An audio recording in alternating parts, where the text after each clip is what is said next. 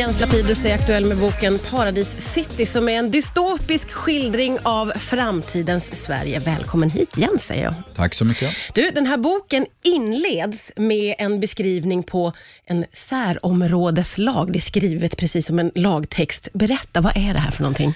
Det här är min version av en lag som eh, i värsta, värsta fall skulle kunna finnas i Sverige om några år. Om allt går käpprätt åt helvete, som det har gjort i den här boken. Ja. Det är en lag som har tillkommit för att våldet, gängkriminaliteten, skjutningar, sprängningar, allt det här som vi har förstått eh, ökar på sistone, har löpt amok så pass mycket att man har sagt att vissa områden måste vi ha vissa egna lagar för. Och, och de här områdena är, har till och med murar. De är, Ja, Som- och, och sen har det gått så pass långt att man lyckas inte eh, hindra brottsligheten och då har man till och med sagt att äh, vi måste bygga in brottsligheten, så vi bygger murar runt vissa av de områdena. Och då har jag i boken kallat dem för särområden. och då ska man ju veta det att när jag säger framtidsskildring så är det inte 50 år i framtiden, utan det är några år du tänker dig. Ja, men exakt. Det här är ingen, det är liksom ingen science fiction-roman, utan det är några år. Jag tror inte att jag preciserar exakt, utan jag tänker med sju, åtta år, men det är lite upp till läsaren att tänka hur fort skulle det här kunna gå? Hur, hur fort skulle vi kunna hamna här? Ehm, så, så det är egentligen en ganska samtida skildring, men jag har tagit många trender som jag ser runt omkring i Sverige och dragit på volymen. Ja, det får man verkligen säga, eh, för klimatet har värmts upp och samhällsklimatet har hårdnat och som vi sa, fattiga områden omgärdas av murar. Eh, en väldigt dyster bild du målar upp.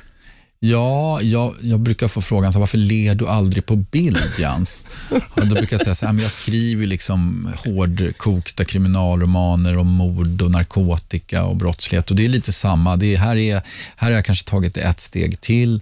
Det är en mörk eh, roman, ehm, men eh, det finns också små ljuskorn i individerna, liksom vilka val de gör och hur de i slutändan, utan att jag spoilar för mycket, vad de ändå väljer för, för väg framåt. Eh, Jag har förstått det som att de här idéerna kom till dig för att du lite grann betraktade Sverige utifrån, eh, för att du flyttade till Mallorca, stämmer det? Jag har bott eh, på Mallorca i tre år ungefär. Nu eh, bor vi hemma i Sverige igen. Och eh, precis, jag har suttit på en ö i Medelhavet, haft ett väldigt behagligt liv och betraktat Sverige mycket via tidningarnas rubriksättning och på avstånd. Och eh, Då blev också den här boken i något slags avstånd, det vill säga den utspelas inte... Tidigare böcker har jag ju öst väldigt mycket kring mitt jobb här och nu, saker som jag på riktigt har hört om eller upplevt på riktigt. Men den här boken hamnar på ett visst avstånd, inte geografiskt men i tiden. Eh, hur var det att skriva om en fiktiv verklighet, tycker du? Det var svårt och roligt. Det adderade ett lager, ett element i mitt skrivande som jag inte hållit på med tidigare. Jag har jobbat som jurist och advokat i 15 år och mina böcker har alltid varit väldigt inspirerade av eh, verkligheten, Stockholm, den undre världen, kriminalitet. Och i den här boken så blev jag, var jag också inspirerad av det, men jag var ju tvungen att göra något av den inspirationen, något extra och liksom fundera i varje enskilt steg. Ja, men vad kan hända med den här brottsligheten om några år? Vad kan ha hänt med, med eh, vårt samhälle, vår eh, polis om några år? Vad kan ha hänt med kriminaliteten i utsatta områden om några år? Så jag kunde aldrig nöja mig med att bara ta det som jag vet om verkligheten. Jag var hela tiden tvungen att addera det här lagret om några år. Var är vi på väg? Kände du att du kunde ta ut svängarna mer? Det också. Jag kunde ju i vissa hänseenden vara mycket friare eh, för jag var inte tvungen att förhålla mig. Jag, jag har ju alltid som en princip annars att försöka skriva så autentiskt det bara går. Eh, Jag vill ju alltid att mina läsare ska känna så att ja, det här skulle kunna hända på riktigt. Vilket det ofta har gjort också. Jag har ju ofta tagit grejer som har hänt på riktigt. Men här kunde jag ju go crazy med vissa grejer. Som, Som till exempel? Som till exempel, um, um, nu kommer jag inte på något bara för det, men, men jag har ju lite så här, till exempel i den här boken så är så Instagram och sociala medier och hela influencer-grejen, den är liksom passé. Just det, det har kommit ny teknik som har tagit över, som är ännu mer avancerad, hur man så här placerar eh, varumärken och grejer i folks huvuden. Så, så att jag har kunnat så här, leka lite med influencerrollen på det sättet. Mm. Eh, du har ju slutat arbeta som advokat. Eh, hu- hur har det varit att, att lämna det och gå rakt in i skrivandet? Då? Alltså, skrivandet har alltid funnits där parallellt i många, många år. Eh, och Det var ett jättesvårt beslut. Jag drog på det i många år. Jag tyckte så mycket om jobbet. Jag tyckte så mycket om eh, eh, eh kollegorna och jag tyckte så mycket om ja, men hela den rollen. Jag var liksom mm. stolt varje gång de frågade mig, men ska du inte sluta som advokat? Nej, men jag, jag älskar det här jobbet, för det gjorde jag verkligen. Ja.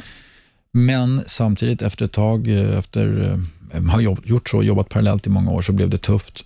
Och att vara advokat tänker jag lite som en elitidrottsman. Alltså du måste vara på det, du måste vara mm. committad, du måste vara där 100%, läsa på nya rättsfall, finnas där dag och natt för klienterna. Och Det där blev lite kämpigt. Jag började dra ner på arbetstiden och jobba bara 75% och sista året mindre än så. Mm. Och till slut kände jag att det här funkar inte längre. Jag måste välja. 100% okay. ena eller 100% det andra. Jag förstår. Saknar du det? Ja, jag gör mycket. Men du trivs också i författarrollen? Jag älskar författarjobbet också, och, men i en drömvärld. Men det är ett lyxproblem. Ja. Ja. Du, den här boken, Paradise City, som ju är en skildring av Sverige några år eh, fram i tiden. En viktig karaktär i den här boken är Emir, som är eh, kriminell, men som vill liksom få ordning på sitt liv. Är du svag för den typen av karaktärer? Um, det kan man säga. uh, det börjar bli ganska uppenbart för det här laget. Jag. Jag, uh, jag brukar citera en svensk konstnärinna som sa att man ska vara trogen sina fixeringar. Och uh, Det är, är något jag kanske har insett, insett och som är rätt uppenbart att jag har ju de här karaktärerna i alla mina böcker i någon form. Det kan vara Mrado, eller Jorge i Snabba Cash-trilogin, eller Teddy, Top Dog, eller i det här fallet Emir som han heter. Det är någonting i mig som både fascineras och eh, eh, känner medömkan med de här männen och samtidigt något i mig som tycker att de är föraktfulla, att jag föraktar dem och eh, vill bestraffa dem för att de är, gör dumma saker. Men jag är så otroligt dubbel, men framför allt så tycker jag det är spännande att skildra världen genom deras ögon. Och Har du träffat på många av de här männen i det, din karriär det, som det, advokat? Ja, det, det, kan man nog Är det som att du måste göra upp med dem? Ja, kanske. Jag, menar, jag tror att när jag började skriva för många år sedan så var det någon form av debriefing liksom, kring massa saker som jag stötte på i jobbet. Uh, och Jag tror många brottmålsadvokater, de uh, antingen uh, tar de till flaskan lite ofta eller så måste de gå en uh, shrink. Eller så skriver de eller sysslar med musik eller något, bara försöka få ur sig grejer. Eller så får de ett hårt hjärta. Mm. Är du redan inne i nästa grej som du vill skriva, eller hur ser det ut för dig nu?